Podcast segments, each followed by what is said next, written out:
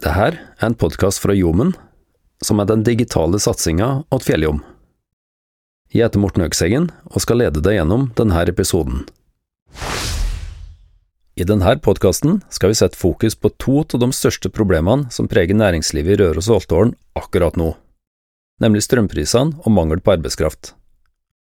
Bakteppet for dette er næringsminister Jan Christian Vestres besøk på Røros i anledning hans besøk i Trøndelag denne uka. I tillegg til Røros besøkte næringsministeren bedrifter på Oppdal og Berkåk. På Røros starta han besøkene med ordfører Isak Busk, som ga en presentasjon av alt Røros kommune inneholder.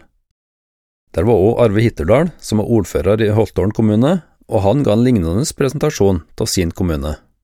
I tillegg var næringslivet godt representert, med blant annet Kjell Ove Oftedal, som er daglig leder ved Røros slakteri, Terje Lysholm, som er hotelldirektør ved Røros hotell, og Sigrid Jansen, eier av galleriet Kunst og Kaos.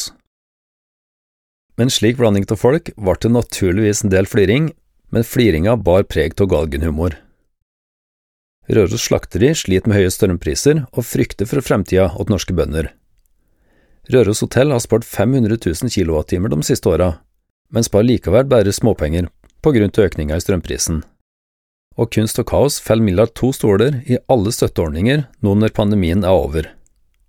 Sjøl utviklingsmidler er vanskelig å få tak i. Etter møtet på ordføreren sitt kontor var næringsministeren invitert på en omvisning på Røros slakteri, men den var stengt for både publikum og presse. Vi skal høre fra næringsministeren til slutt i denne podkasten. Der forteller han blant annet om sitt syn på retninga åt norsk næringsliv, og forklarer hva han mener om de spådde konkursene blant norske bedrifter. Vi skal òg høre fra ordfører Arve Hitterdal, som forteller om de største utfordringene for hans kommune, nemlig mangel på arbeidskraft og den demografiske utviklinga. Det er to emner som henger tett i hop. Men først skal vi ha daglig leder ved Røros slakteri, Kjell Ove Oftedal. Han starter med å fortelle om de største utfordringene som de har akkurat nå. Det er uten tvil den dyre strømmen som vi betaler nå for, eh, for å både å slakte og kjøle ned dyra og, og, og, og foredle de videre. Hva alvorlig er, det, er situasjonen nå? Den er alvorlig på den måten at eh, når eh, prisene eskalerer så voldsomt på norsk mat, så vil forbruket på sikt gå ned. Eh, og når forbruket går ned, så vil vi få en midlertidig opphopning av norske matvarer. Og når det skjer, så må lønnsomheten til syvende og sist gå utover bonden. Og det er den største bekymringen min nå. at den utviklingen vi ser, at bonden skal få dårligere økonomi enn han får nå, så er jeg redd for at eh, det blir flere som legger ned norsk matproduksjon i i krisetid, der eh, energi og mat er de, kanskje de to viktigste våpnene i, en krig i Europa. Men for Røros slakteria, er det noen umiddelbar trussel nå? Eh, trusselen vår er at eh, alle pengene vi i utgangspunktet skulle ha tjent, som egentlig skulle ha gått til bedre betaling til bøndene. Det må, Hvis dette fortsetter nå, så må dette gå til strømregningen og, og inn, i, inn, i, statskassen. Og det føler vi blir feil på dette tidspunktet. Hva forventer dere av ja, regjering og politikere? Eh, vi forventer at de skulle levere mye mer enn det de har klart å levere. I Holtålen er problemene litt annerledes enn på Røros. Hvilke tanker var det Arve Hitterdal, ordfører i Holtålen, lufta for næringsministeren? Først og fremst så prata jeg litt om Holtålen og hvilke bedrifter og som er der, og litt den rollen vi har kanskje i samfunnsperspektivet. Eh, men det jeg kanskje vektla mest på slutten, det er litt de store utfordringene som vi ser på ganske kort sikt i forhold til befolkning. Altså Demografien er jo en ting som slår inn, at vi har blitt ganske voksne i samfunnet. Eh, og både bedriftene og samfunnet som helhet vil ha store utfordringer med å kunne få til nok arbeidskraft fremover. Det var egentlig hovedessensen i siste innlegget, i hvert fall til næringsminister Vestre. Ja, for at Dere har laga en egen rapport eh, med tall angående her. Hva viser den rapporten? Den viser jo at, eh, ja, for å gå på spesifikke tall, da, i Holtålen, som er en kommune med ca. 2000 innbyggere i dag, så er det jo bortimot 160 arbeidsplasser som skal erstattes de neste fem åra. Eh, og det er ganske store, tøffe tall når du vet at det allerede uten den utskiftningen i arbeidsmarkedet er behov for arbeidstakere, liksom det er nå. Så, så, dere står i en situasjon i dag dere, der dere mangler folk, og så blir det enda verre i fremtida? Ja, og det er ikke bare vi. Det her er egentlig vil jeg tro, noe som rammer kanskje 250 av landets kommuner uh, i større eller mindre grad. Og jeg tror nok ikke vi er den mest ekstreme situasjonen, men vi har den situasjonen vi har, og den er viktig å få belyst. Da. Uh, og da er jo kanskje mye av de tiltakene som kan være, det, jo, det ene er å få folk i arbeid. Altså, vi har ikke råd til at folk detter utenfor uh, samfunnslivet og arbeidslivet. Det har vi ikke.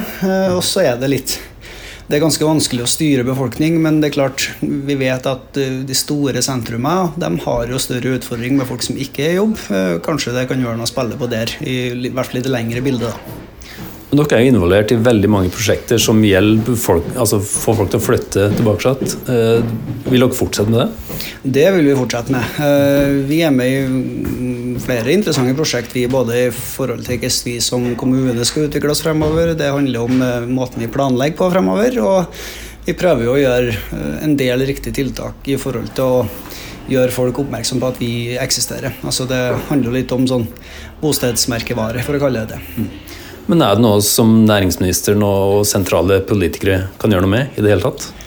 Ja, altså De store rammene, som jeg nevnte, det å få folk til å være i arbeid og til å stå i arbeid og til å utnytte den eh, befolkninga i arbeidsdyktig alder som vi har, det er jo en viktig, eh, viktig brikke her. Det vet jo de er klar over fra før. Men jeg syns det er veldig greit å vise ganske konkret hva det kan bety i en liten kommune. Før så var det jobb og hus som mangla, men nå er det altså folk? Nå er det folk. Eh, det er klart Arbeidsplasser det er jo bestandig et tema eh, uansett. Eh, men den aller største situasjonen det er jo det å få folk til å fortsette å gjøre de jobbene som finnes i dag. For samfunnet består av veldig mye ulike funksjoner. Det er, ikke bare helse- og omsorgssektoren som det snakkes om nasjonalt som en stor utfordring. Det handler om de aller fleste, helt ned til tømrerbedriften. Til slutt tar vi en prat med næringsminister Jan Christian Vestre, og aller først, hva er bakgrunnen for besøket hans i Trøndelag og her på Røros? Det er å lytte til eh, bedrifter og kommunene her, destinasjonsselskap, om eh, hvilke muligheter og utfordringer en ser for regionen. Hva som fungerer bra, hva vi kan gjøre annerledes, og hvordan regjeringen kan bidra til at vi kan få enda mer eh, fart på næringslivet. Men det er jo utrolig mye bra som skjer her, så jeg er veldig inspirert over det jeg har blitt fortalt. Og så har jeg fått med meg noen utfordringer som vi må jobbe med når vi kommer hjem til departementet. Ja, Hvilke utfordringer er det snakk om? Ja, det er flere ting. Det ene er jo hvordan eh, framtidens reiseliv skal organiseres. Hvordan eh, stat, kommune, destinasjonsselskaper og ikke minst reiselivsaktørene kan jobbe smartere sammen for å fremme bærekraftig reiseliv og reisemålsutvikling. Det er vi i gang med, men det skal vi gjøre mer av. Så har vi snakket om mangelen på arbeidskraft. Det er jo nå skrikende behov for arbeidskraft både i offentlig og privat sektor. Vi har hatt spennende diskusjoner om hvordan vi kan inkludere flere i arbeidslivet av de som har falt ut, og som representerer en stor ressurs for landet vårt. Vi har selvfølgelig snakket om strømprisene, der regjeringen nå har lagt fram tiltak, 3 milliarder, som skal ut til de mest utsatte bedriftene før eh, jul. I tillegg et nytt fastprisregime. Og eh, vi har også snakket om hvordan vi kan løfte kulturnæringene våre. Så her er det mange gode forslag. Men det er jo ikke noen sånne små utfordringer du prater om her. Det er ganske alvorlig. Eh, og du har sagt at vi må regne med konkurser i Norge i tida framover. Står det ved det utsagnet? Ja, det vil enhver blandingsøkonomi alltid oppleve. Vi fikk 60 000 nye etablerte bedrifter i fjor, og mange klarer det. og En del faller dessverre fra. De heier vi på og håper at de reiser seg igjen. Nå har vi fortsatt vesentlig lavere konkurser akkurat nå enn vi hadde før pandemien. og Målet vårt er at vi skal også få konkurser som mulig. Men jeg syns det er riktig å være ærlig på at vi kan ikke redde alle enkeltbedrifter som nå opplever utfordrende tider. Vi skal bidra så godt vi kan, men det beste vi kan gjøre, er å holde orden på økonomien. Fordi hvis eh, inflasjonen nå kommer ut av kontroll og vi får en voldsom prisvekst, så vil det dra rentene våre opp, og det kommer til å gå utover hele arbeidslivet og ikke minst husholdningene våre. og Derfor må vi dempe pengebruken. Men er markedet på vei nedover? Altså, er det en nedkjøling dere ser nå? Foreløpig er jo norsk økonomi i en høykonjunktur. Eh, samtlige jeg har snakket med i dag, eh, får ikke tak i folk. Vi har eh, arbeidsledighet her i regionen på under 1 Det er helt utrolig lavt. Og Problemet når det er så lav arbeidsledighet, som vi er jo glad for at alle har jobb, det er jo at jo mer vi nå setter i gang, så vil det bare dra prisene opp. For det er ikke hoder og hender til å utføre oppgavene.